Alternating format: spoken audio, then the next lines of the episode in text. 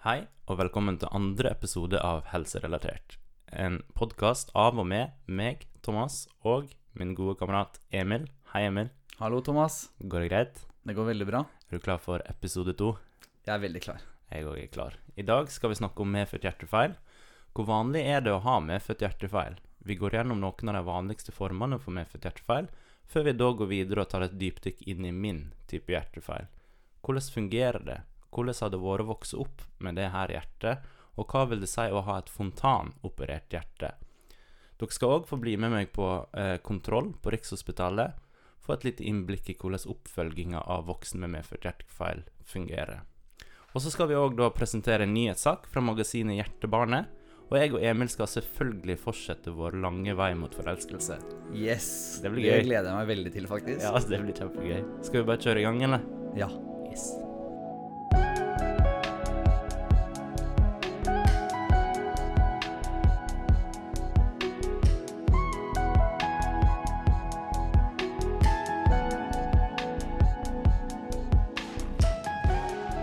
Ja, Ja. kanskje vi skal starte med å snakke litt om hva vi har gjort siden sist. Vi kan jo uh, ha en liten update der. Ja. Nå er det jo ei uke siden forrige gang vi spilte inn episode. Uh, hva har du gjort siden sist, Emil? Du, jeg har uh, Jeg har egentlig ikke gjort noe sånn veldig signifikant. Vi har jo holdt på med vårt Ja. på hver vår kant. Sånn hverdagen går jo fort. Men i går var jeg faktisk på Njø scene. Njø? Njø scene. Ja. Det er eh, humorkollektivet til, eh, til Ram. Til Morten Ram. ja. Um, barna er jo nå hos, uh, hos svigerforeldrene mine. Så du har litt Så da var det barnefri? jeg, ja. Da Ja. kunne jeg og kona mi dra ut. Hyggelig. Yes. Så da var vi på Njø scene. Og så uh, mitt talkshow med Erik Solbakken. Mm. Selveste Erik Solbakken. Mm. Kona mi er ekstremt fan av han. Ja. Og jeg er også fan. Ja, men så bra, da. Ja, Så det var veldig morsomt. Bra bruk av en frihelg, med andre ord. Det skal jo sies at eh, vi satt jo på andre rad, da. det var jo veldig intimt, det var veldig få mennesker der. Eh, og eh, Erik Solbakken begynte jo liksom å ta en sånn runde rundt, da. Hvor han liksom så på alle parene som satt der, og vennegjengene. Ja. Og begynte liksom å kommentere ting, da. Nå er jeg spent. Ja. Ja, og så for de som hører på denne, pod på denne podcasten, de vet muligens ikke at jeg ser eh, sånn relativt ung ut, da. Nei. Eh, og det hang han seg litt opp i også. Han spurte, han spurte oss da om vi var et par, og vi sa ja. Og så spurte han hvor lenge har dere vært sammen. Ja. Og så sa jo kona mi da at vi har vært sammen i elleve år. Ja. Og da brøt han ut eh, i en liten fnis og sa hvordan kan man ha vært sammen elleve år når man ikke ser eldre ut enn elleve år? Genialt. Og så tok han en håndsopprekning og spurte hvem tror at eh, paret her er eldre enn 11 år. Og da var det én som rakk opp hånda, og da sa han nå må du slappe av. Han ble irritert, liksom? Eller? Nei. Nei, så det, så, ja, så det var en litt sånn Men det- morsom hendelse. Da fikk man en liten påminnelse om hvor ung man ser ut. Ja, men det er jo hyggelig å få det, da. Ja, Det var jo, det var jo hyggelig. Jeg, jeg tar det som en kompliment. Ja. Ja, for jeg òg er jo kommet Jeg er jo litt eldre enn deg, men vi ser jo like gamle ut. Ja. Og Vi ser vi ser eldre ut enn elleve år, da. vet Det gjør påstå. Men Det gjør vi. så vidt. Eh, og det er jo Det var jo veldig irriterende i starten av 20-åra. Man hadde lyst til å se litt eldre ut, men nå så er det bare Ja, jeg kommer til å se eh, bra ut jeg når jeg er 40 og Ja. 45 og 50. Liksom. Tenk så bra vi kommer til å se ut når vi er 40 år. Ja. Hæ? ja, det blir bra der. Ja. Ja. Hvis du ser ut som rundt sånn 25 år når vi er 40, ikke sant? Perfekt. perfekt. Begynner kanskje å få litt skjegg og Ja, det hår på brystet og Ja, det nekter jeg å tro at det kommer til å Nei, få. det, det skjer nok ikke for meg heller. Men, uh, nei, men det var i hvert fall en veldig bra kveld, da. Det høres ut som en bra kveld. Ja. Avslutta med en uh, hamburger på Munchies og Ja. En, ja. en eh, fullverdig kveld på byen. en fullverdig kveld. Ja. Jeg har ikke gjort noe spennende siden sist, takk som spør. Jo, du har vært på quiz. jeg har vært på quiz, det har jeg. Det stemmer. Det kan vi kanskje snakke om litt seinere. Ja, vi skal nevne Vi skal komme litt inn på det senere i episoden. Men jeg tenker kanskje vi bare skal fortsette videre. Ja. I dag så skal vi jo da snakke om medfødt feil, Og da tenker jeg at det kan være lurt å starte med hvordan et friskt hjerte fungerer. For det blir litt vanskelig å snakke om hva som er feil ved et hjerte, hvis vi ikke allerede har snakka om hvordan det skal være. Da Da tenkte jeg at vi kan jo eh, ta det litt sånn elementært å begynne med. At hjertet er jo da en muskel på størrelse med ens egen knyttneve, sånn cirka, som da har ansvaret for å pumpe blodet ut i resten av kroppen. Og det består av fire kammer, to forkammer, to hovedkammer. Og hvis du tenker at vi deler hjertet på midten på tvers, nei, på langs, unnskyld, så kan vi dele det inn på venstre og høyre eh, del av hjertet, da. Mm. Og der er jo den høyre delen, høyre forkammer og høyre eh, hovedkammer, pumper blodet til lungene. Og den venstre sida pumper blodet ut til kroppen. Det var en veldig fin beskrivelse. Ja. Og så har vi jo Jo, takk. Og så har vi jo òg eh, mellom eh, forkammeret og hovedkammeret Et annet ord for de to er jo atrie og ventrikkel. Men vi kan jo bruke hovedkammer og forkammer Ja. som eh, en litt enklere måte å beskrive det på. Der er det jo klaffer på begge sider. Og så er det òg klaffer ut av hjertet. Så vi har fire klaffer. De klaffene Hva heter de, Emil? Hva det heter? Ja. Det er jo da på høyre side så har vi trikuspedalklaffen. ja. Og så har vi mitralklaffen på venstre side. Ja, det er da de to klaffene som er mellom eh, de to ulike delene av hjertet, da. Forkammer og hovedkammer. Ja, trikuspedalklaffen da sitter jo mellom høyre forkammer og hovedkammer. Og mitralklaffen mellom venstre forkammer og hovedkammer. Og disse fungerer som ventiler, da. Ja, de sørger for at blodet bare flyter én vei, da. Mm. Eller så vil jo blodet kunne gått begge veier, og det vil man helst ikke. Nei, da blir det komplikasjoner. Det blir det. Og så har vi jo to klaffer til. Mm. Vi har pulmonalklaffen, som er hjerteklaffen da mellom høyre hovedkammer og lungepulsåren, da. Så har vi aortaklaffen, som er ventilen, eller hjerteklaffen, som er lokalisert mellom venstre hovedkammer og hovedpulsåren, eller aorta. Så det er da de fire klaffene en har i hjertet, som da sørger for at blodet bare går én vei, da. Mm. Og de er jo viktige at er som de skal. Ja. Eh, og det her høres jo kjempebra ut når hjertet er sånn som det skal, og det er det jo heldigvis hos de aller, aller fleste. ja. Men i Norge så er det ca. mellom 500 og 600 barn hvert år som blir født med medfødt hjertefeil. En sier at ca. 1% av alle barn som blir født, har en medfødt hjertefeil. Og det som er med medfødt hjertefeil, er at det er veldig mange variasjoner. Det kan være alt fra små klaffefeil, du kan ha hull i hjertet, eller det kan være eh, komplekse feil som krever flere operasjoner da, for at det skal fungere. Så det er veldig vidt spenn i hva som går under en Som defineres som en hjertefeil, da. ja, det er jo enorm forskjell på et hull i skilleveggen, da. Ja, sant. For eksempel mellom forkammerne. Mm. Eller eh, flere klaffefeil, og kanskje hovedpulsårene sitter på feil sted, f.eks. Ja, sant. Det blir da en helt annet forløp. Ja, og så har du òg feil der kanskje ikke hjertet er ferdig utvikla, på en måte, eller det har Mm. skjedd noe feil da i, i starten av fosterlivet der ja, ikke klaffene kommer sånn som de skal, eller Og da blir det veldig komplisert. Da begynner vi å snakke om komplisert. det, Ja. Så det, det, det er jo det som ofte òg er, at pasienter gjerne kan ha en kombinasjon av feil. La oss si at du har trikuspedalatresi, da. Men så har du kanskje òg pulmonalatresi. Og da, hvis vi går tilbake til når vi gikk gjennom hjertet nå, da, så trikuspedal er jo da klaffen mellom høyre forkammer og hovedkammer. Og når vi da sier trikuspedalatresi, så betyr det at den klaffen ikke er der. Der er det stengt. Der det skulle vært åpent, er det stengt. Og det er jo, kan jo gjelde alle fire klaffene, for så vidt. Mm. Så det er, og da er det ofte gjerne en eh, Eller det kan være en kombinasjon av flere feil, da. Ja, og det er da man ofte må ha flere operasjoner. Ja. Så det er, det er en eh, Da må man kanskje opereres eh, umiddelbart etter fødsel med et lite inngrep som får ungen til å overleve mm, de første månedene. Ja, Og så tar man heller et større inngrep seinere. ja Eller flere. ja, sant. Fordi, større inngrep. fordi man må reoperere etter hvert som ungen vokser. Fordi Mm. det en har gjort i, når ungen er baby, det må bli for eh, smått. da. Vi skal komme mer inn på det her når vi skal gå gjennom min eh, historie og mine operasjoner. da.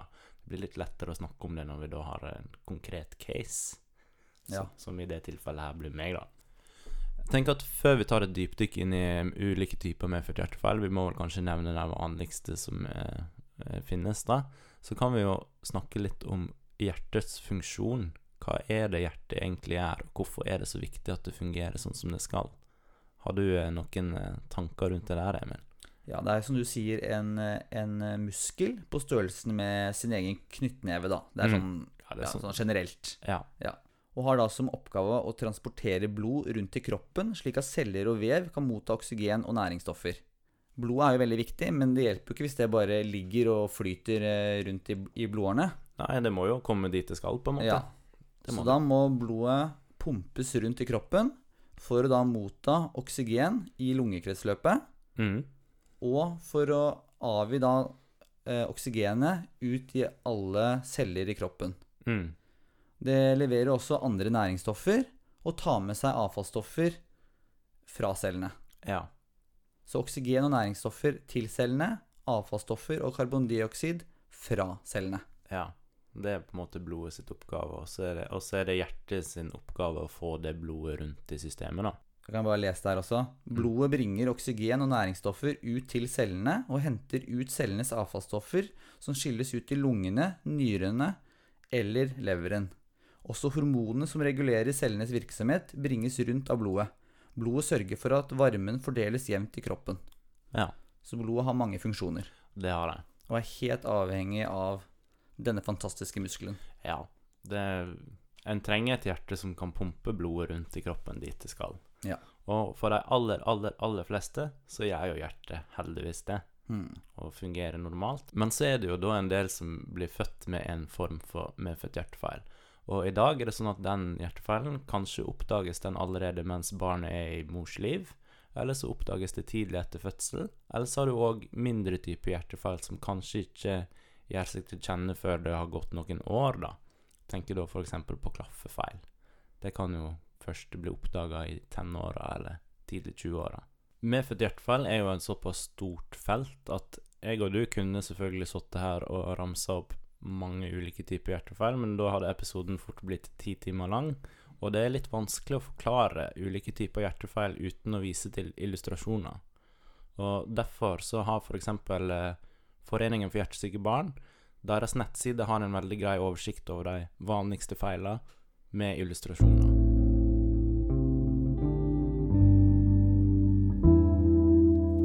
Thomas, nå er jeg egentlig veldig interessert i å høre litt om hva slags medfødt hjertefeil du har. Ja, det skal jeg jo gjerne fortelle deg, hvis du vil det. Jeg er litt redd for at det er veldig komplisert. Du har jo vært operert eh, Er det seks operasjoner? Ja, fem Ja. åpne hjerteoperasjoner, altså én sånn intervensjon via kateter da, i lysken. Ja. Så ja, det har vært litt eh, Noen få operasjoner. Hvis du skal forklare det så enkelt som mulig, hva slags hjertefeil har du, og hvordan påvirker den deg? Eh, det som jeg da kan begynne med, er at når jeg i tidlig barneåra så forholdt jeg meg til at jeg hadde trikuspedalatresi. Altså at klaffen mellom høyre forkammer og hovedkammer ikke var der. Eh, Seinere har jeg jo funnet ut at hjertefaren jeg hadde òg, var Jeg hadde i tillegg pulmonalatresi og da et underutvikla høyre hovedkammer. Så det vil si at den delen av hjertet som pumpa blodet til lungene, den var der egentlig ikke. Nei. Så, så ja, det var mer komplisert enn det jeg trodde da jeg var liten, da. I oppveksten så forholdt jeg meg til diagnosen trikuspidalatresi. Det vil da si at den klaffen mellom høyre forkammer og høyre hovedkammer, altså den delen av hjertet som skal pumpe blod til lungene, ikke var der. I seinere år har jeg òg funnet ut at jeg hadde pulmonalatresi, altså den klaffen som går fra hjertet og ut til lungene. Så det vil si at jeg hadde to klaffer som ikke var der, da. Og i tillegg hadde jeg òg da et underutvikla høyre hovedkammer. Så jeg hadde et univentrikulært hjerte, kaller man det.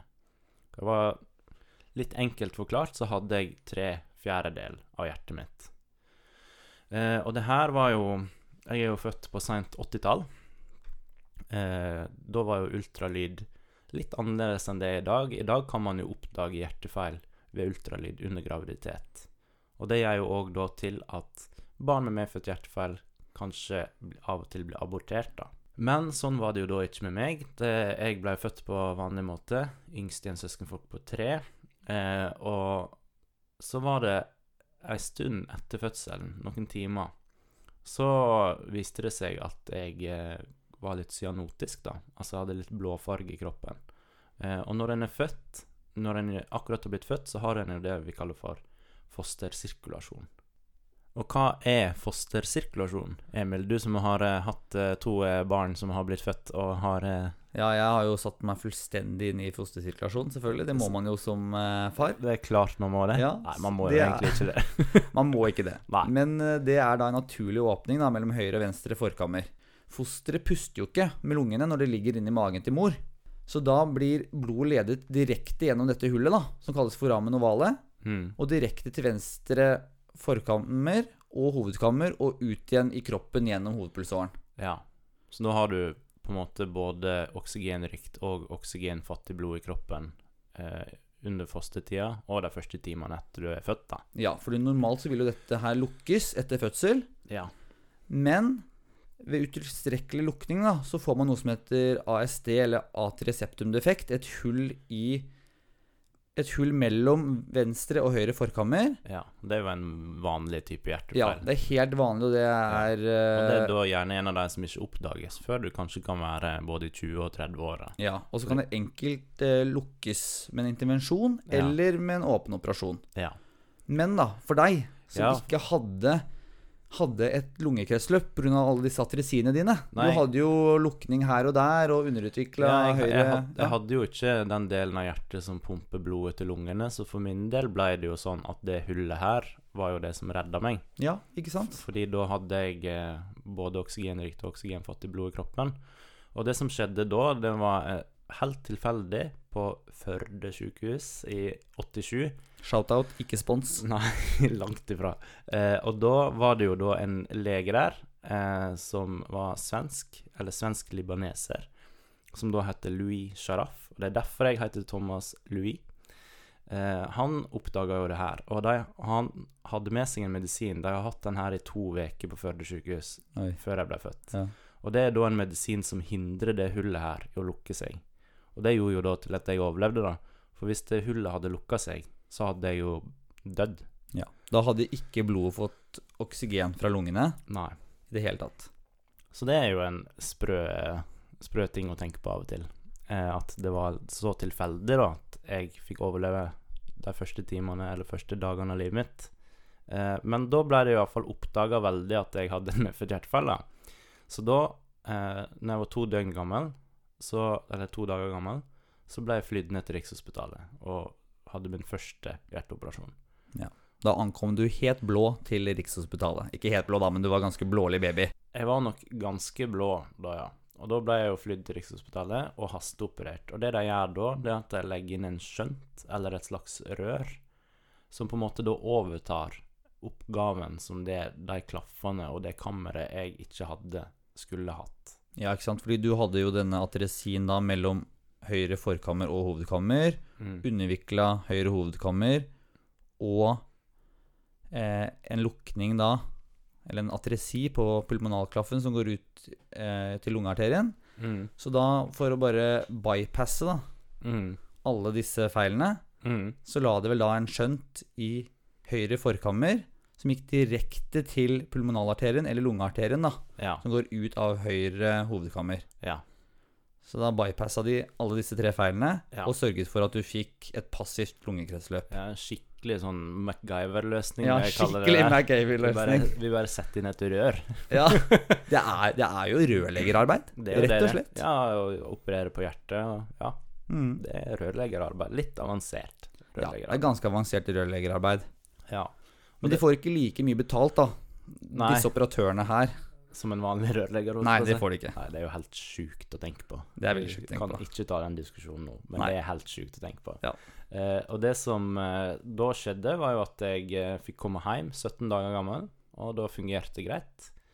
Eh, og det holdt eh, ei god stund, eh, men når jeg var et halvt år gammel, så var jeg så heldig at jeg fikk vannkoppene. Så da var det jo en morgen der pappa skulle stelle meg, da. Der jeg plutselig ble helt blå. Oi. Og da hadde jo den skjønten gått tett, da.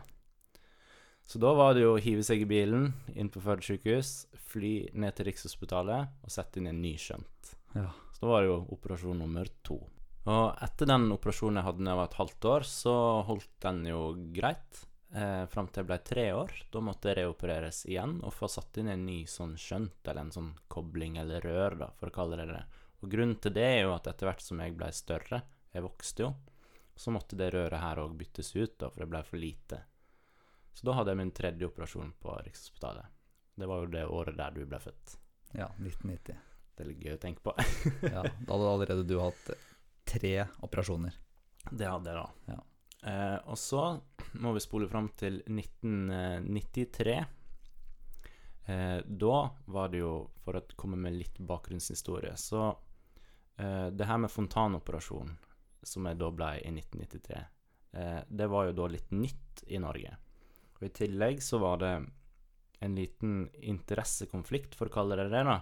Fordi nå er jo alle operasjoner det spesialistteamet eh, der du har vært en del av, eh, med de som opererer på hjertebarna. Det er jo alt samla på Rikshospitalet. Mm. Og det er jo I et såpass lite land som Norge, så er det jo lurt å samle all ekspertisen på en plass, da. Men på begynnelsen av 90-tallet så var ikke det at en ak- nødvendigvis tenkte sånn, da. For da ville jo Haukeland i Bergen De ville òg operere hjertebarn. Mm. Det, var jo, det er jo litt sånn Det er sånn maktkamp, sant. Hvor skal spesialistene være? Og det som skjedde da, var jo at jeg havna på en måte i en slags eh, dragkamp, da. Haukeland hadde lyst til å ta den operasjonen i 93, og Rikshospitalet hadde lyst til å ta den operasjonen. Så det som skjedde da, var jo at foreldrene mine og fastlegen min mista tillit til begge to. Og derfor valgte mamma og pappa å sende meg til London for å ta den operasjonen i 1993. Ja. Så det er litt interessant hvordan ting var Det var, det var ganske annerledes på den tida der. Nå har jo de blitt så ekstremt spesialiserte og dyktige her i Norge og på Rikshospitalet at nå vil jo de fleste bli operert på Rikshospitalet. Du kan jo si litt om hvor mange hjerteoperasjoner man har på barn i året der. ja, når jeg jobba der nå, jeg slutta egentlig akkurat, Mm.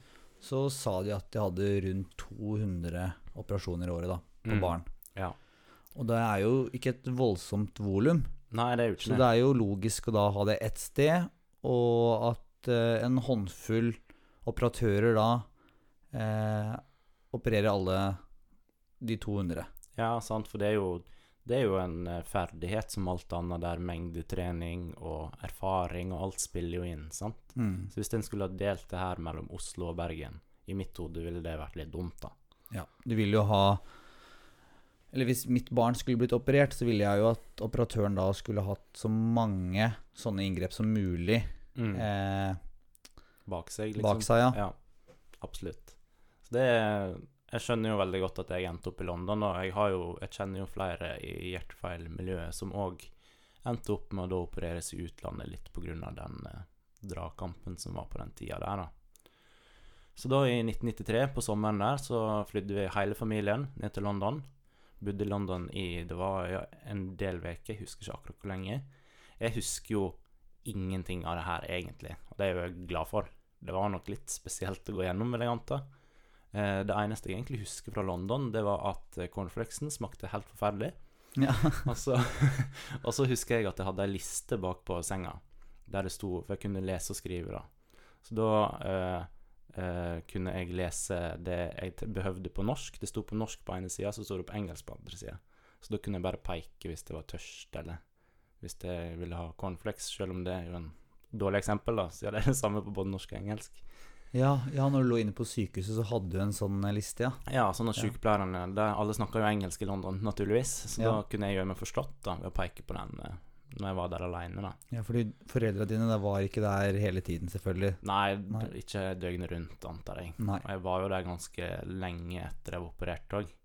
Eh, husker, husker veldig lite. Jeg husker at jeg satt i rullestol etterpå, at broderen drev og Jeg har en storebror som drev og kjørte meg rundt, da, så syns jeg husker at det var et slags sånn ratt på den rullestolen, så jeg liksom kunne styre, men det kan hende det er feil. Men jeg husker iallfall veldig godt Ja, ja. at han, han råkjørte med den rullestolen. da. Så det er, sånn, eh, det er litt rart hvilket minne som setter seg og ikke, syns jeg. Ja, du husker den der eh, oversikten din på senga, hvor du kunne si at du ville ha cornflakes, og så husker Ja. du den eh, rullestolen. Ja, det er egentlig det. Ja. Og det er veldig rart. Og så, eh, ja, og det, den operasjonen i 1993, det var jo da jeg ble fontanisert. Jeg fikk en fontanoperasjon. Og da må vi jo nesten forklare litt hva en fontanoperasjon er, da. Og nå har vi jo fram til nå snakka om det her med en midlertidig løsning med en skjønt eller et rør, da. Og det en fontanoperasjon egentlig er, det er en permanent løsning på det her. Og nå opererer man barn på en litt annen måte. Jeg kommer til å komme tilbake på det seinere, men jeg ble jo da operert på gamlemåten. Og da tenkte man at det er viktig å bruke så masse av hjertet som er der, som mulig. Så det de rett og slett gjorde da med meg, det var at de kobla mitt høyre forkammer direkte på lungevenen. Sånn at blodet flaut. Eh, Istedenfor å da bli pumpa via forkammeret, hovedkammeret og ut i pulmonalklaffen, så fløt det da bare direkte fra forkammeret og ut i lungene. Ja. Og da får jo du da det her passive kretsløpet, da. Så hver gang jeg puster inn, eller og eh, vene... Hva det heter det? Muskelvenepumpa. Muskelvenepumpa, takk. Den er jo òg det som er ansvarlig for å pumpe blodet mitt tilbake til lungene. Det er liksom, Jeg har ingen del av hjertet som gjør den jobben, da, sånn som de friske folk har. Mm. Og da ble jeg halvfontanisert. Det vil da si at jeg lot det være igjen et hull, da. Eh, og grunnen til det er jo at kroppen bruker litt tid på det her å venne seg til det nye kretsløpet, eller den, den fontanoperasjonen. Og da lar de det være et sånt La det være igjen et hull, sånn at du fortsatt får litt av det blanda blodet vi har snakket om tidligere, da. Hvis du får av med noen hvale holdes åpen. Ja, så de lot det være et hull mellom forkammerne. Ja. Ja. Og det er jo rett og slett bare for å sikre at du får nok oksygenrikt blod da, i kroppen. Ja. Så da, det vil jo si at jeg fortsatt var litt eh, blålig både på leppene og på fingerneglene fram til jeg var 13 år, når jeg hadde min Hvor mange er vi oppe nå? Femte hjerteoperasjon. Ja. Eh, og det var jo da i Bergen, faktisk. Ja, da hadde Haukeland klart å få tilbake noen operasjoner. Ja, på en måte, men det her var jo da ikke en åpen hjerteoperasjon. Det her var jo en sånn intervensjon. Ja, ok, ja. der en gikk inn i, i lysken, da. Og så gikk en inn med en slags sånn eh, ballong og tetta det hullet, da. Så da ble jeg fullfontanisert, som det heter. ja. Så da lå du i narkose, Mm. og så la de deg på et operasjonsbord. Mm. Og så da gikk de inn gjennom lysken din. Det Mm. er ganske fascinerende, syns jeg. Ja, det synes jeg. Inn gjennom de store blodårene, Mm. inn til forkammerne dine, Mm. og så lukka de hullet. Ja, altså, Uten å åpne deg. det er helt sjukt å tenke på Ja. at det går an. Og det Jeg husker faktisk ikke så masse fra det der heller. Nei. Eh, det er jo litt interessant. Eh, men ja, at det går an å operere på den måten der uten å åpne brysthulen. At du liksom kan, kan gjøre det ved å gå inn i lysken. Og du kommer liksom få tilgang inn i hjertet via der. Ja, nå kan de jo skifte klaffer og Ja, gjøre enda mer enn det de kunne gjøre tidligere. ja, for nå er det vel Altså, man prøver jo i det ytterste å ikke åpne brysthulen, hvis man kan la være. Ja. Alle operasjoner man kan gjøre via intervensjon eller gå i lysken, da, vil man jo helst gjøre på den måten, for det er mindre Mye mer skånsomt, ja. ja, mer skånsomt og Mm. mindre risikofylt enn å faktisk ha en åpen hjerteoperasjon. ja. Enn å sage opp brystbenet ditt, sperre det opp, Ja. gå gjennom hjerteposen, inn i hjertet. ja. Vil man jo helst unngå. Helst unngå. Og for hver operasjon så blir det jo mye, mye vanskeligere for operatørene. Ja, det har vi jo snakka litt om før, jeg og du sammen, at for hver operasjon så blir det vanskeligere av at det på samme måte så måtte dannes arvvev på utsida av kroppen, da. Så dannes det òg arvvev på innsida av kroppen. Ja, Kanskje det er helt riktig. Man kaller, liksom, man, man kaller det for aderanser. Mm. At alle disse bindevevsposene og vevet blir mer sammenklistra. Mm. Så første Hvis du aldri har vært operert eh, tidligere, og de åpner enten magen din eller brystbenet, så vil på en Mm. måte organene da ligge nede. De vil, men hos, eh, hos noen som har operert tidligere, så vil på en måte hjerteposen og disse vevene være klistra opp til brystbenet. Ja, så det Så hjertet ditt da sitter egentlig fremme i kroppen, ja. Ja. Klistra opp mot baksiden av brystbenet. Ja, Så man da åpner da den med en stikksag, mm. eller oscillerende sag, ja. så vil man jo da kunne risikere å punktere da Ja, hjertet sant. på vei inn. ja, fordi det ligger så tett opp mot ribbeina, da. Ja. Så det er jo det er jo rart å tenke på. Det får jo òg faktisk noen praktiske konsekvenser for meg ved at jeg tror nok det at jeg kjenner hjertet mitt slå sterkere enn det du gjør. Ja. Fordi det ligger så tett opp mot kroppen. ja, det kan hende, det vet jeg ingenting om, men det høres jo ut som en uh, logisk forklaring. Ja, fordi når jeg ligger i senga og ligger på sida, da hører jeg alle hjerteslagene mine. Men det gjør kanskje du òg, da. Nei. Nei, og jeg hører deg godt. Bare hvis jeg er veldig stressa. Ja. Kanskje jeg bare er en litt mer stressa type enn deg. Nei, men du, hva var det vi snakka om nå? Du var da på din femte operasjon. Da var du på Haukeland. Haukeland, ja. Og du ble operert med en Eller du fikk eh, utført en intervensjon, da. ja. Fikk en eh, ballong som da gjorde at da eh, ble jo mine Fram til da hadde jo på en måte mine to kretsløp, det ute systemet og det ute lungene, det hadde jo da vært eh, delt Nei, ikke vært delt. Det hadde vært ett kretsløp, da. Med både eh, oksygenrikt og oksygenfattig blod. Men da ble det det hullet i veggen ble stengt av. Og da fikk jeg jo sånn som andre har, et lungekretsløp og et systemkretsløp som ikke gikk inn i hverandre. Ja. Og da merka jeg jo det at eh, jeg ikke var blå på leppene lenger. Jeg var ikke blå på fingerneglene. Jeg var ikke lenger cyanotisk, rett og slett. Uh, og da kan vi jo kanskje komme litt inn på det her. Jeg har jo hatt en hjerteoperasjon til, men den er jo ganske mange år fram i tid, da. Det her var jo da i 2000, den femte operasjonen min. Um, så vi kan jo komme inn på litt det her med å leve med medfødt hjertefeil, da. ja, hvordan det var for deg. Du, du sier at du var cyanotisk, eller blå på leppene. Ja. Så du må jo ha hatt eh, redusert yteevne, kanskje? Du merka Ja. det muligens på skolen? Ja, spesielt gymmen og sånne ting, da. Eh, og ja, ble blå ved fysisk anstrengelse, og da spesielt ved bading, da. For da kjøles jo kroppen ned i tillegg, sant. Da kan jo helt friske folk òg bli litt blå på leppene. Mm. Eh, og jeg kan jo komme litt med noen få historier, da, uten å liksom skulle ha for mange digresjoner, men det er spesielt én jeg husker veldig godt fra barneskolen. Og det var når vi skulle på fjelltur, da. Så var jo det ofte for meg eh, tungt. Det, jeg klarte jo ikke å gå på fjellet i det tempoet andre barn klarte, og jeg var generelt lite aktiv da. Jeg var òg veldig tynn som barn. Det var vanskelig å få i mat. Mm.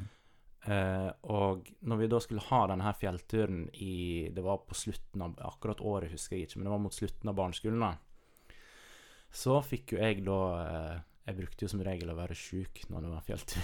Ja. Skul- Skulke litt unna. Men denne gangen, da, så var det jo Skyldte på mensen. Bekla beklager, Thomas. Beklager. Vi henter oss inn igjen. det, det var vel kanskje ikke akkurat mensen jeg skyldte på, siden jeg er gutt, men jeg var veldig forkjøla og hadde vondt i hodet og vondt Ja. i magen da, Ja, den dagen. Det var veldig pjusk. Veldig pjusk. Jeg var jo ikke det i det hele tatt, men ja. Eh, og da det, Den gangen jeg eh, ble med på fjelltur, som jeg husker Det her er jo litt flaut, men da, for at jeg skulle få bli med på den teltturen, så måtte jeg sitte på hest. Oi, kult. Jeg syns ikke det var så Nei, da var det forferdelig for alle de andre. Det var liksom normale, men det er ikke Ja. han med hesten, liksom. ja, han med hesten, sant. Det er jo ikke akkurat eh, Ja. Eh, Det er ikke så veldig Det er ikke det tøffeste man syns når man er sånn 10-11 år og sitter på hest. I hvert fall syns ikke jeg det, Nei, da. man vil, ikke, man vil ikke skille seg ut. Nei, og skilte meg jo veldig ut, da. Og da eh, var vi på den turen her, husker jeg. Husker jeg satt på den hesten opp gjennom bakkene der. Og så var det ei i klassen som sa jeg òg vil ha hjertefeil, at jeg får sitte på hest. og, da, og, da, og da var jo det da klasseforstanderen min den gangen, da, hei Jon Olav, han var jo en veldig sånn rolig og sindig fyr. Og han blei så sint. Han blei skikkelig sint. han sånn, det der kan du ikke si! Det der er ikke lov å si! Og liksom la ut om at det var en grunn til at jeg satt på den hesten. Da. At det ikke, man kan ikke ønske seg hjertefeil for å sitte på en hest. Nei, ikke sant. Det syns jeg var jo Men du var jo en cyanotisk prins, vet du. Du satt der eh, blålig, ikke sant, på Ja. en eh, sikkert en flott hest. Cyanotisk prins, det skal jeg ha på CV-en min Og så så hun da, ikke sant, opp, og opp eh, på den cyanotiske prinsen, som Ja. kommer ridende på hest, ikke sant? Ja, Mens de håret flagra i vinden. Ja, du har sikkert langt, blondt, flott hår, ikke sant? ja, det, ja, jeg hadde Ja. nok det, ja. Mm. Nei, men han satte henne på plass, da, i hvert fall. Ja, eller han sa i hvert fall at det her er ikke greit. Nei. Og det var jeg enig i. Men det er iallfall en sånn historie som har satt seg veldig, da. Og så var det jo òg sånn i gymmen, da, så var det veldig avhengig av hvilken gymlærer jeg hadde. Noen var veldig forståelsesfulle, andre var sånn Ja, OK, du er i dårlig form, tren hardere, liksom. Mm. Hadde spesielt én sånn er gymlærer, som handler sånn derre jeg tenker Hvis du ser at eleven din begynner å bli blå Begynner å bli blå i trynet, så bør du kanskje ikke piske han rundt, da. Nei. Men uh, han uh, forsto jo ikke det, da.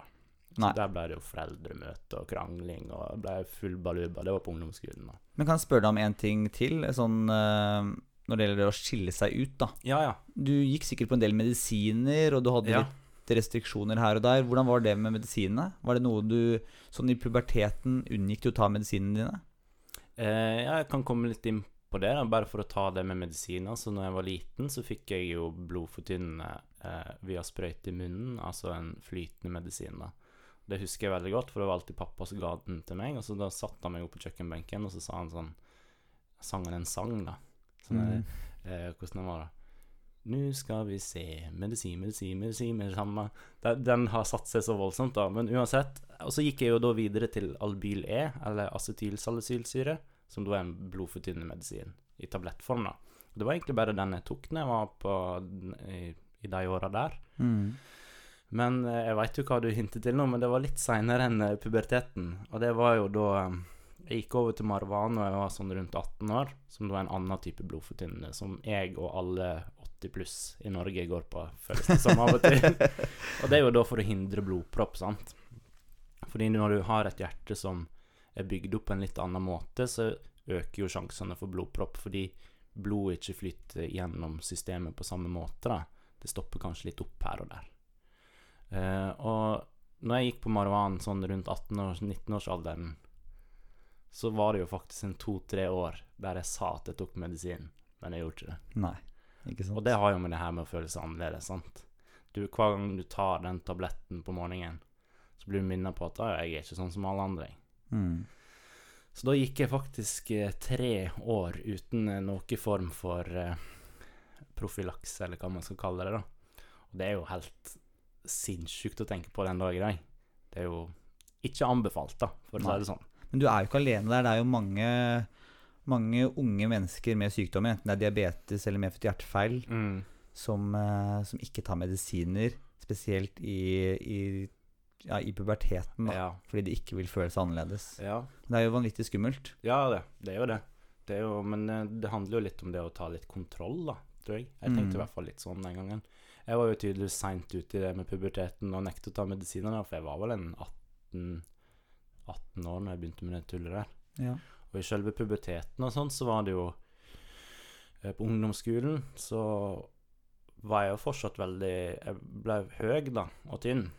Eh, eh, men det eneste jeg egentlig tenkte da, var at OK, da er ikke sport for meg, liksom. Da er ikke ballidrett eller sånne ting. Det er ikke for meg. Eh, og havna da fort inn i et sånt datamiljø, da, for å kalle det det. Ble glad i å spille spill, og følte på en måte ikke at jeg skilte meg ut så veldig masse, fordi jeg fikk andre kamerater som ikke var så opptatt av sport da, og trening og den Ja. type ting. For det var der du ikke følte at du strakk til. Ja, ja. Jeg strakk jo ikke til. Jeg måtte jo stoppe å springe etter så og så lenge. Ja. Og det var jo litt sånn Jeg kan ikke akkurat huske at jeg ble valgt sist i gymmen og sånn, men det kan godt hende at det var noen sånne episoder. Men jeg merker at jeg husker veldig lite fra barne- og ungdomsåra. Det tror jeg kanskje har vært en litt sånn overlevelsesmekanisme fordi man kanskje følte seg annerledes. da. Mm. Helt vanskelig å sånn, Ja. Vanskelig å sette ord på hvordan det der var, da. Men eh, alt i alt så var jeg veldig heldig med tanke på det jeg hadde rundt meg, da. Jeg fikk jo kamerater, og jeg fikk liksom Føler jeg hadde en veldig normal oppvekst, selv om jeg nå var blå i trynet til tider. Ja. Ja, den cyanotiske prinsen fikk en fin oppvekst. Det gjorde han faktisk. Men eh, kan jeg spørre deg om en ting? Ja. Eh, red du noe mer på hest? Eller var det den ene fjellturen? Det holdt med det? det, det holdt med den ene fjellturen. Ja. Det holdt med den ene fjellturen. Det gjorde det. Eh, så nei, det har ikke blitt noen rytter siden den gang. det har jeg ikke blitt. Eh, ja. Og da var det jo videre med videregående og sånne ting. Følte meg normal, bortsett fra at jeg var veldig tynn og litt dårlig form. Eh, etter den der eh, Da jeg ble fullfontanisert i, da jeg var 13 år, da, da ble jeg jo i bedre form. Og så mindre sjuk ut, da, Ja. enn det jeg gjorde før. For før kunne en jo se på meg at jeg var sjuk. ja. Så så fort de fikk lukka det forkammeret ditt, Mm. da, Ja, da begynte du Ja, med hullet mellom forkammerne, Mm. så begynte du å føle deg bedre. Ja, det, det vil jeg si. Mm. At det da ble litt annerledes. Eh, og jeg har egentlig ikke tenkt så masse på det med at jeg har følt meg annerledes pga. hjertefeilen, men som en følge av hjertefeilen at det var hadde jo, Du får dårlig matlyst, sant, for du har litt, litt redusert fysisk yteevne, og det er veldig vanlig blant folk med medfødt hjertefeil. da. å få redusert matlyst. Og det hadde jeg jo, så jeg var jo alltid veldig, veldig, veldig tynn. Altså Kallenavnet mitt på videregående var Skins and Bones, Ja. eller Skin and Bones, og jeg var ja, 1,85 da, og 55 kilo. Da er du jo ganske tynn. ja. Da, da var du tynn. Ja, så det Men utenom det så var det egentlig ikke så masse jeg tenkte over på den tida der. Når du var ferdig på videregående, så begynte du jo på lærerstudiet, eller var det IT først? Jeg begynte på lærerstudiet, og så gikk jeg videre til IT. Og i mellomtida så jobba jeg jo som postmann, og trente en god del, faktisk. Og da, det her er vel kanskje den tida av livet mitt der jeg har følt meg mest sprek, da. Mm. Da kjørte jeg jo post og pakka og tunge, løfta tunge ting. Tunge løft, men jeg fiksa det helt greit, liksom. Og trente styrke og levde veldig normalt, da, vil jeg si. Og så var det jo som med meg, som med mange andre, at de For det, det er jo sånn når du har medfødt hjertefeil, eller når du er fontanoperert, så er det ofte i midten av 20-åra, eller kanskje seinere, at de her langtidskomplikasjonene begynner å gjøre seg gjeldende. da. Fordi å være fontanoperert, eller en fontanoperasjon, er jo en palliativ behandling. Det vil jo da si at det er en lindrende behandling. Mm. De kurerer deg ikke. Nei, sant? Vi bruker jo palliativ behandling f.eks. med folk som er på vei til å dø. da. At vi på en måte lindrer. Eh, og nå er det jo ikke sånn at jeg er på vei til å dø, men det er, en, det er ingen fiks, på en måte. Nei. Du Men det er, ja, men jeg syns det du sier er veldig viktig, det med at man, eh, man korrigerer ikke noen som er født med medfødt hjertefeil, Nei. men man reparerer. Mm. Og så lenge man har vært inne og reparert, så vil det alltid være et reparert organ. Det vil ikke være et helt friskt organ. Nei, sant. Så selvfølgelig har du et lite hull i skilleveggen, og det er det eneste. Ja. Så vil det så å si være bra, og kanskje etter et år Mm. så er det ikke noen flere rutinekontroller. Nei, sant. Og du vil kanskje oppleve redusert yteevne i verste fall, men Mm. ellers så vil du leve et helt normalt liv. Ja, sant. Men du, da, som har univentrikulært hjerte, Mm. du vil jo ha mer Du vil være mer prega av feilen din. Ja. Og det skal jeg komme litt tilbake til nå, da, med, det, med de langtidsvirkningene. Fordi eh, hvis vi nå er rundt når jeg og du møtte hverandre på studiet, det var jo da det på en måte begynte å gå nedover for meg, da. Eh, sånn rent fysisk. Ja, det var ikke noe relatert til vårt vennskap. Nei, det var det ikke. Kanskje det var det? Nei, nei. Å, shit, nå ble jeg litt bekymra. Var det jeg som førte deg utfor supet? Nei, det var det ikke. Ikke i det hele tatt. Nei. Men det var rundt den tida du begynte å kjenne disse senvirkningene, Ja, kanskje? ja, og da ble jeg eh, veldig plaga med ekstraslag og rytmeforstyrrelser. Eh, og det var jo litt sånn uflaks timing med tanke på at det var sykepleierstudiet, som jo er jo et hardt studie, vil jeg tørre å påstå. mm. Med praksisperioder og høyt tempo og masse å lære. Så det var jo Det var tungt, spesielt det siste året, da. Med ganske mange ekstraslag og eh, eh, flimmerepisoder. For de som ikke kan noe om det her, kan du fortelle litt hvordan ekstraslag og flimmerepisoder påvirker en fysisk? Hva, hva du føler når det oppstår?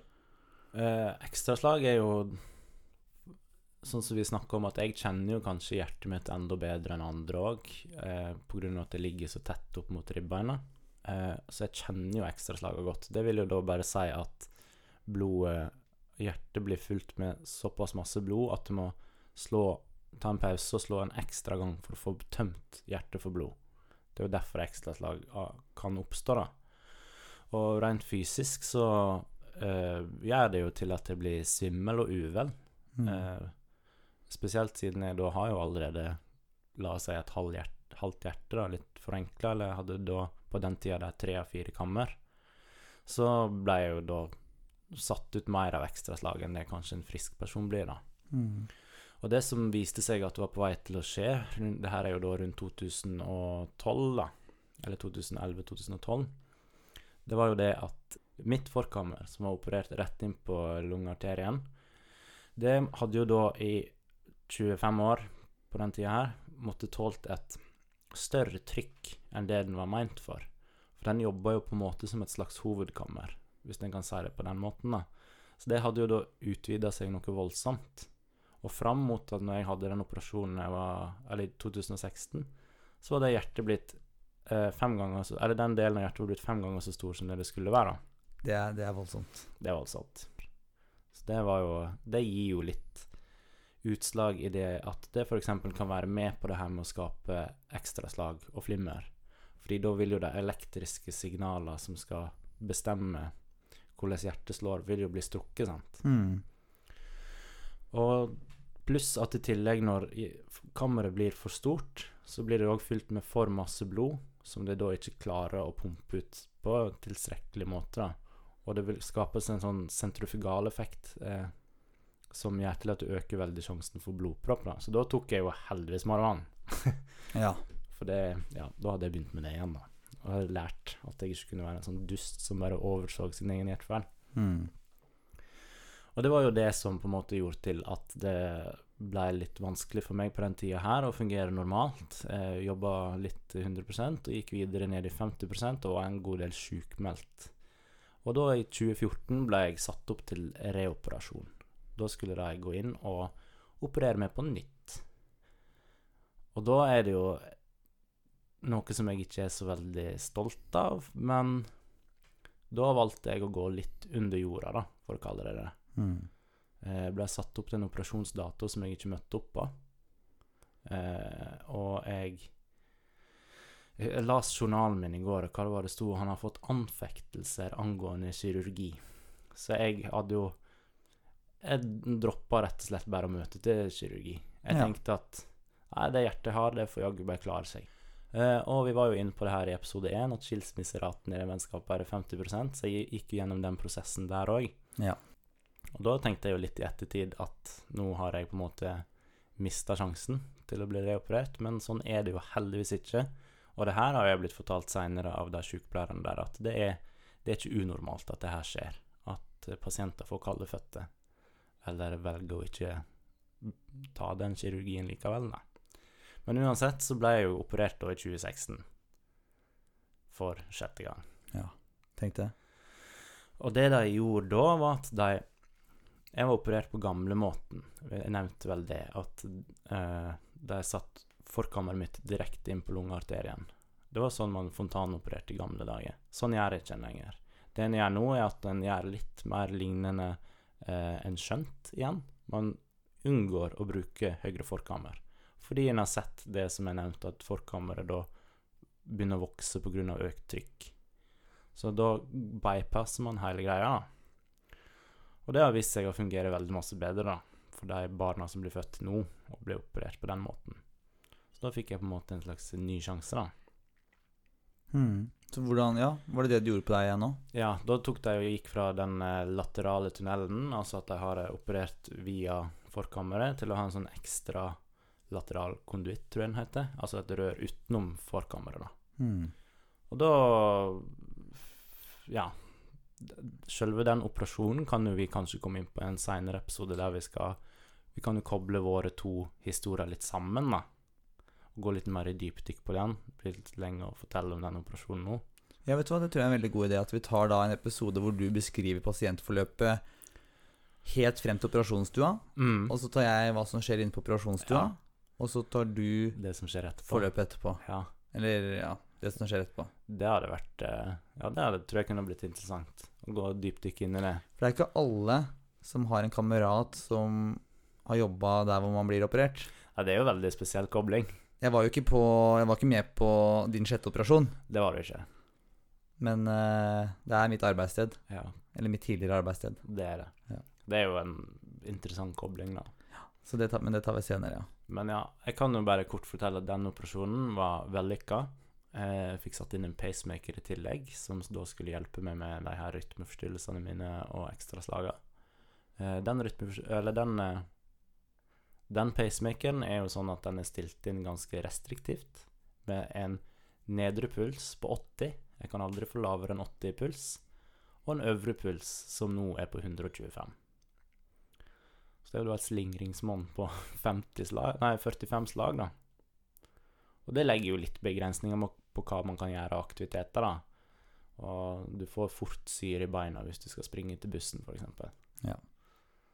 Det, og det er jo utrolig fascinerende at jeg har liksom en liten maskin under min venstre pupp, holdt jeg på å si, som, som styrer hjertet mitt til enhver tid, da. Ja. Det, ja, jeg, jeg syns faktisk brystmusklene ser litt sånn fluffy ut nå. Er det pga. pacen?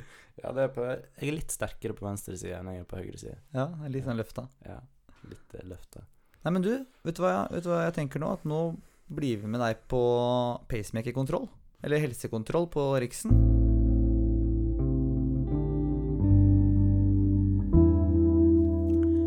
Jeg går jo da nå til kontroll på Rikshospitalet en gang i halvåret. Eh, og da går jeg eh, på kardiologisk poliklinikk til en GUSH sykepleier, en kardiolog og en som eh, driver med pacemakeren. Eh, og GUSH det står jo da for Grown Up With Congenital Heart Defect, altså voksne med medfødt hjertefeil. Så der har jeg blitt fulgt opp siden jeg var 18 år, da. Før det så ble jeg fulgt opp på Haukeland, på barneavdelinga der. Eh, så nå eh, har jo jeg nettopp egentlig vært der på kontroll, så nå kan jeg jo fortelle litt om hvordan det er, da. Da kommer jeg inn, og så blir det tatt eh, EKG. Og så blir det tatt blodtrykk, som alltid er 120 over 80, av en eller annen merkelig grunn. Ja. Eh, og så eh, er det da òg ekko, da, eller ultralyd, de tar. Da sjekker de jo hvordan hjertet mitt er siden sist, og evne til å pumpe, og om klaffene har noen eh, lekkasjer eller ikke. Og så er det jo som regel òg en belastningstest, da. Men det hadde jeg ikke nå sist jeg var der, fordi det var ikke så lenge siden jeg hadde vært der forrige gang, da. Så da, ja, det, det er ikke alltid det blir den belastningstesten. Og den belastningstesten for min del er jo Før har jo den alltid vært på en sånn eh, spinningsykkel, men det fungerer jo ikke for meg i det hele tatt nå, etter at jeg fikk pacemaker. Nei, ikke sant. Det er jo litt interessant. Så nå løper du? Nå må jeg springe på tredemølle ja, for å ta en sånn belastningstest. For jeg får, får ingen pulsstigning i det hele tatt når jeg sitter på en spinningsykkel. Da har jeg 80 flatt hele tida, uansett hvor hardt jeg trår. det er veldig rart. Eh, så nå sist når jeg var der, da, så hadde jeg en liten mistanke om For jeg har jo sagt det at eh, ekstraslag og eh, flimmer har vært min utfordring da, i mitt voksne liv. Eller siden vi studerte på sykepleien, egentlig. Det var jo da det begynte. Eh, og da viste det seg jo at eh, jeg hadde hatt en del flimmerepisoder siden sist.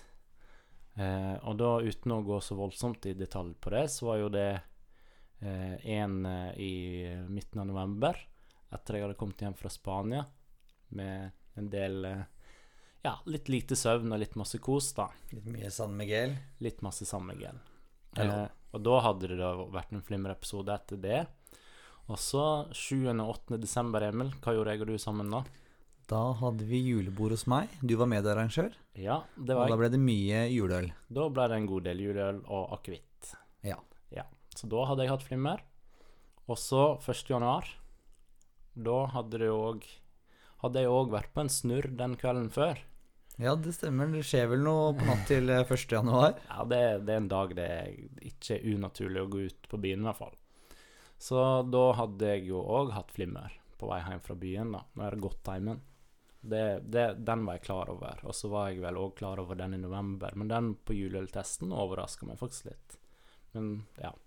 Det som jeg syns på en måte var litt positivt med å få vite det, da Fordi og grunnen til at jeg får vite det her, og eksakte datoer sånn, er jo at den pacemakeren har jo en sånn fredskriver som er på alle fly. Når fly styrter, så kan de se hva alle instrumenter har gjort Ja, den før svarte boksen. Ja. Og det er på pacemakeren òg, da. En liten sånn maskin som husker hva som har vært. Så da ser de jo eksakte dato og hvor mange minutter jeg har hatt flimmer. da. For det, det som er med atrieflimmer, da, det er jo det at da står jo eh, atria, altså forkammeret, står jo da og bare vibrerer, på en måte. Det pumper ikke sånn som det skal, da. Og det vil jo en frisk person vil jo òg bli prega av atrieflimmer. Vi har jo sett f.eks. både Marit Bjørgen og andre toppidrettsutøvere bli slått ut av atrieflimmer. Det kommer jo fram i media, f.eks. Mm. Eh, og for min del er jo det med atrieflimmer litt verre, med tanke på at nå har jeg jo egentlig bare to fungerende hjertekammer, da. Så det vil jo si at hvis det ene står og eh, vibrerer, så blir jeg ganske dårlig. Ja, blir du svimmel og får litt pustevansker og Ja, eller blir iallfall eh, kald svette, blir kvalm, svimmel og får veldig sånn der eh, nærsynkoper, eller føler veldig at jeg holder på å besvime. mm. Eh, så det er jo ikke noe kjekt i det hele tatt. Ja, så det er noe du vil unngå, og det er noe kardiologen vil at du skal unngå. Ja, fordi grunnen til at jeg får atrieflimmer og ekko Nei, ekko, hva heter det, ekstraslag, det er jo det at eh, når de har skåret i hjertet mitt fem ganger, så dannes det arrvev som stopper de elektriske signalene. da. Det sa jeg, nevnte kanskje tidligere, men det er liksom Og på en måte litt sånn De, de vil i det lengste hindre at jeg får flimmer, da, fordi det ikke er så veldig bra. Eh, Og det var jeg jo veldig plaga med før operasjonen. Da hadde jeg jo flere sånne konverteringer, sånne L-konverteringer. Og det er jo sånn som du ser på film når de liksom gir støt til pasienten for å starte hjertet igjen. Mm. Det har de gjort på meg en fem-seks ganger. Ja, ikke sant. For det, ja, I kontrollerte former, da. At, Ja, at du måtte legges inn sånn planlagt, for en sånn. L-konvertering. ja det er jo de gangene flimmer ikke går over av seg sjøl, da. Mm. Eh, oh, ja, ja. Og da, ja, da legges du i en sånn veldig lett narkose, og så får du den der Så du trykker egentlig bare på reset-knappen på hjertet. da. Litt som å starte en maskin på nytt, på en måte. Ja, ikke sant. Det er fascinerende. Men uansett så var det iallfall Det var litt eh, Nå hadde jeg jo gått ett og et halvt år uten flimmer. Og da var det litt nedtur å få vite at jeg hadde hatt tre episoder med flimmer. Det er litt sånn ah. Men så tenkte jeg en del på det i ettertid, da. Og jeg og du snakka jo om det her òg, at alle de her flimmerepisodene mine var jo i sammenheng med kvelder med ganske masse alkohol Mm. Og lite søvn. og lite søvn. Og, og det som jeg syns er litt greit med det, er jo det at nå veit jeg at ting som er usunt for meg, som det å gå på fylla, det slår ut hjerteflimmer. Men å gjøre ting som er sunt for meg, som å trene sammen med deg på Fresh og gå på tur i skauen, da får jeg ikke flimmer. For det ville jo vært skikkelig nedtur. Om Ja, om, eh, om styrketreninga vår og gåturer i skogen mm, hadde vært eh, flimmerutløsende, Ja, sant. hadde det ødelagt veldig mye for deg. Ja, da hadde det jo Ja, da måtte jeg bare ha sittet i ro, da, og ikke fått flimmer, på en måte. Ja, ikke sant. Så det er jo litt sånn Ja, nei, det, det var faktisk helt greit å finne ut av det, at da kan jeg ta det litt roligere da når jeg går ut og skal ha det gøy på byen. Så dette her oppmuntrer egentlig bare enda mer til en sunnere livsstil, da. Med mer fysisk aktivitet og styrketrening. Ja, og det er jo en herlig konklusjon å få, sånn egentlig. Da, det, da veit jeg hva jeg må gjøre videre da, for å holde meg eh, så frisk som jeg kan.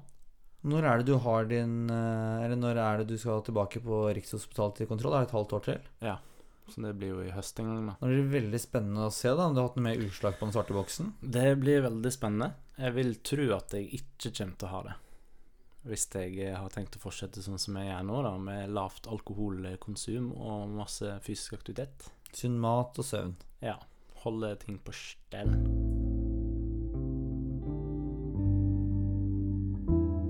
Vi skal jo fortsette denne eh, fantastiske veien mot forelskelse, jeg og du, Emil, med de 36 spørsmålene. Og jeg tror at jeg rett og slett bare går rett på sak. Ja, gjør det. Jeg gleder meg. Ja, Spørsmål to er Skulle du ønske at du var berømt, og eventuelt berømt for hva da? Oi. Det måtte jo være 71 grader nord. Nei da. Eh, jeg, eh, jeg har faktisk uh, hørt historier fra da jeg var liten. Når jeg var sånn rundt tre-fire år. Mm. Så, så drev jeg og fabla om at jeg ville, ville drive med maling og tegning. Og bli sammen med en rik kvinne da, som kunne forsørge meg. Ja, Eh, det er en god plan. Så jeg tror jeg har, med, har et større behov for å måtte være kreativ enn å være berømt. Ja. Uh, men selvfølgelig, det å liksom ha slått gjennom med et eller annet, enten det er liksom laget en kreativ film eller har tegna noe eller sånt, det hadde jo vært veldig kult. Ja, Eller tatt bilde eller lage en podkast Ja, en podkast, Ja, ja. ikke, ikke minst. Det hadde jo vært veldig kult. Det hadde jo det. Men det er ikke berømmelsen i seg selv, det er det å produsere noe jeg tror eh, kanskje hadde vært eh, det, det givende, da. Ja, det behovet for å være kreativ er sterkere enn behovet for å bli berømt, da. Ja. Ja. Jeg er egentlig en ganske sjenert person også. Jeg er ikke så glad i Nå sitter du og myser mens du ser på meg. Jeg har ikke Eh, helt tenkt på deg som sjenert, men eh, ja. jeg, er, jeg vil definere meg selv som en litt sånn sjenert person som ikke er altfor glad i oppmerksomhet, men jeg kan kanskje se for meg at ikke alle har det inntrykket. Nei. Men ja, jeg tror kanskje at det ikke blir så spennende svar som forrige episode, altså. Nei, men det, det, Det er, ikke, ja, det er ikke hver gang man får mulighet til å invitere Brad Pitt på middag. Så det, Nei. men uh, Men vil du ha spørsmålet tilbake, eller? ja, veldig gjerne det, Emil. Ja, kan du snu uh, Mac-en? Altså, spørsmålet var jo da om jeg skulle ønske jeg var berømt. Ja. Ok, Thomas. Kunne du ønske at du var berømt, og i så fall for hva? Eh, det ville jo vært løgn å si nei, fordi når jeg var ungdom og ja, på den tida der og spilte gitar og sånn, så hadde jeg jo selvfølgelig en rockedrøm inni, inni meg. Slå gjennom eh, band eller som soloartist. Liksom. Oi, ja, ok. For det er jo Å skape egen musikk syns jeg er veldig gøy, da. Men det har aldri resultert i noe som helst. Fordi når jeg begynte på videregående havna i dramaklassen og møtte andre musikkfolk som faktisk var skikkelig flinke på gitar, så fikk jeg meg en liten sånn reality check på at ah, den drømmen er kanskje det, får, det får bli med den drømmen, da. Og så tenker jeg òg litt med det her å være berømt i Norge i dag, da. Det er jo sånn Du er jo Det er mange måter å bli berømt på. Jeg føler at nå er det liksom Du blir gjerne kjent via et reality-program, da. Og du får et sånn kallenavn. Du er Farmen Katrine, eller Eller, Eller, skal, Ja, det, det er helt sant. ja, eller Skal vi danse Per, eller sant. Du får sånn derre Du får en tittel først, og så navnet ditt. Og så må du bruke hele karrieren din på å riste av deg den tittelen, eller det du ble kjent for. Og så går du liksom inn i den samme tralten der du Å ja, ja, nå er det hjemme hos reportasje, Se og Hør. Altså, det er liksom så Det er så lite fantasifullt, på en måte.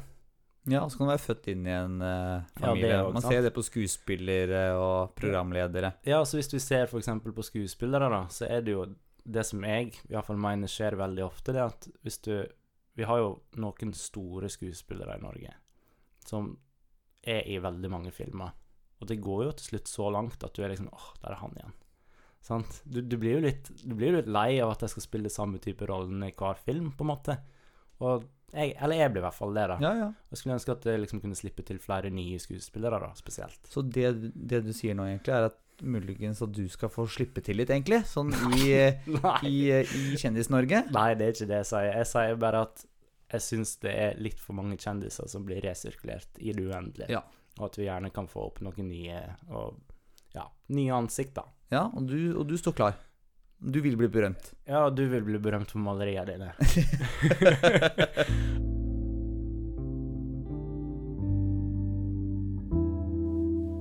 Ja, Thomas, da har vi kommet til ukas helsenyhet. Nå har du vært veldig, veldig flink her og funnet en fagartikkel i et blad som heter Hjertebarnet. Ja. Og denne artikkelen da er rimelig sånn fagtung, vil jeg si. Det er ikke noe sånn Det er ikke noe enkel nyhet, det her. Nei, det er ikke satsnyhet sånn som vi hadde sist gang. akkurat, Nei, det er ikke sånn train your brain på sats. Nei, men det er fortsatt ganske interessant, da. Fordi saka er jo, som du sa, den er henta fra Hjertebarnet, som er bladet en får hvis den er med i Foreningen for hjertesyke barn, som jeg er med i. Eh, og overskrifta der er 'Neodoppler. Påvirkes hjernen under behandling', og den fortsetter. Hva skjer egentlig med barnets hjerne under en operasjon eller intervensjon i hjertet? En gruppe med forskere fra St. Olavs hospital og US Rikshospitalet de prøver da å finne svar på det her ved å måle barnets blodstrøm under operasjoner og intervensjoner. Og på sikt er målet at dette skal kunne gjøre behandlinga enda bedre. Og da er det da overlege Siri Ann Nynes som på en måte er prosjektlederen for det neodopplere. For det finnes jo allerede en del kunnskap om at barn med medfødt hjertefeil har økt risiko for utviklingsforstyrrelse, nedsatt funksjonsevne eller utviklingsmessige forsinkelser. Og de bruker her da ordet hjernepåvirkning heller enn hjerneskade. Da spekteret av hva det her kan på en måte påvirke, det er veldig stort. Og det kan være snakk om alt fra små, nesten umerkelige endringer til konkrete forstyrrelser i hjernen, da, som følge av at man eh, er på en hjerte-lunge-maskin, eller at man blir operert i hjertet som baby, da, eller som barn. Og når jeg viste den artikkelen til deg, Emil, så er det jo der eh, Der har du jo et bilde, da, der det står en eh, Ja, du, ja, ja, jeg har et spørsmål angående det bildet her, egentlig. Ja. Fordi her er det en mann da som står med denne lua som de skal ha på hodet under operasjonen, Mm, eh, på hånda si. ja. Han står liksom og holder på denne maskinen med venstre hånda, og så står han med lua på høyre hånda. Og denne lua da er hvit, og så har han hånda liksom tredd inn i den, og så er det en blå ring utenfor posen. Ja. Og den ser eksakt ut som en støvsugerpose. Den ligner veldig på en støvsugerpose. Er det en støvsugerpose? Jeg tror ikke det. Kan hende det er en modifisert støvsugerpose. Ja. Litt sånn miljømessige grunner. ja. Tror du den selges på Claes Olsson? Har du nummeret? Nei, det tror jeg ikke. Jeg tror det her er et resultat av ganske masse forskning og samarbeid mellom da OS Rikshospitalet, St. Olavs og ingeniører ved NTNU, da, som prøver å lage en ny type lue som kan måle eh, blodstrømmen i hjernen på barn mer effektivt under operasjoner, for å da kunne forske mer på det her. Og forhåpentligvis da etter hvert kunne være med å behandle og forebygge at det her skjer, da. Så det er et veldig spennende prosjekt som er i gang, da. Ja, men det, det var en veldig fin nyhetssak. Jeg tenker at vi kan, eh, kan oppdateres på denne forskningen etter de er ferdig med forskningsprosjektet sitt. Det kan vi gjøre. Og så går vi kanskje videre. Det gjør vi.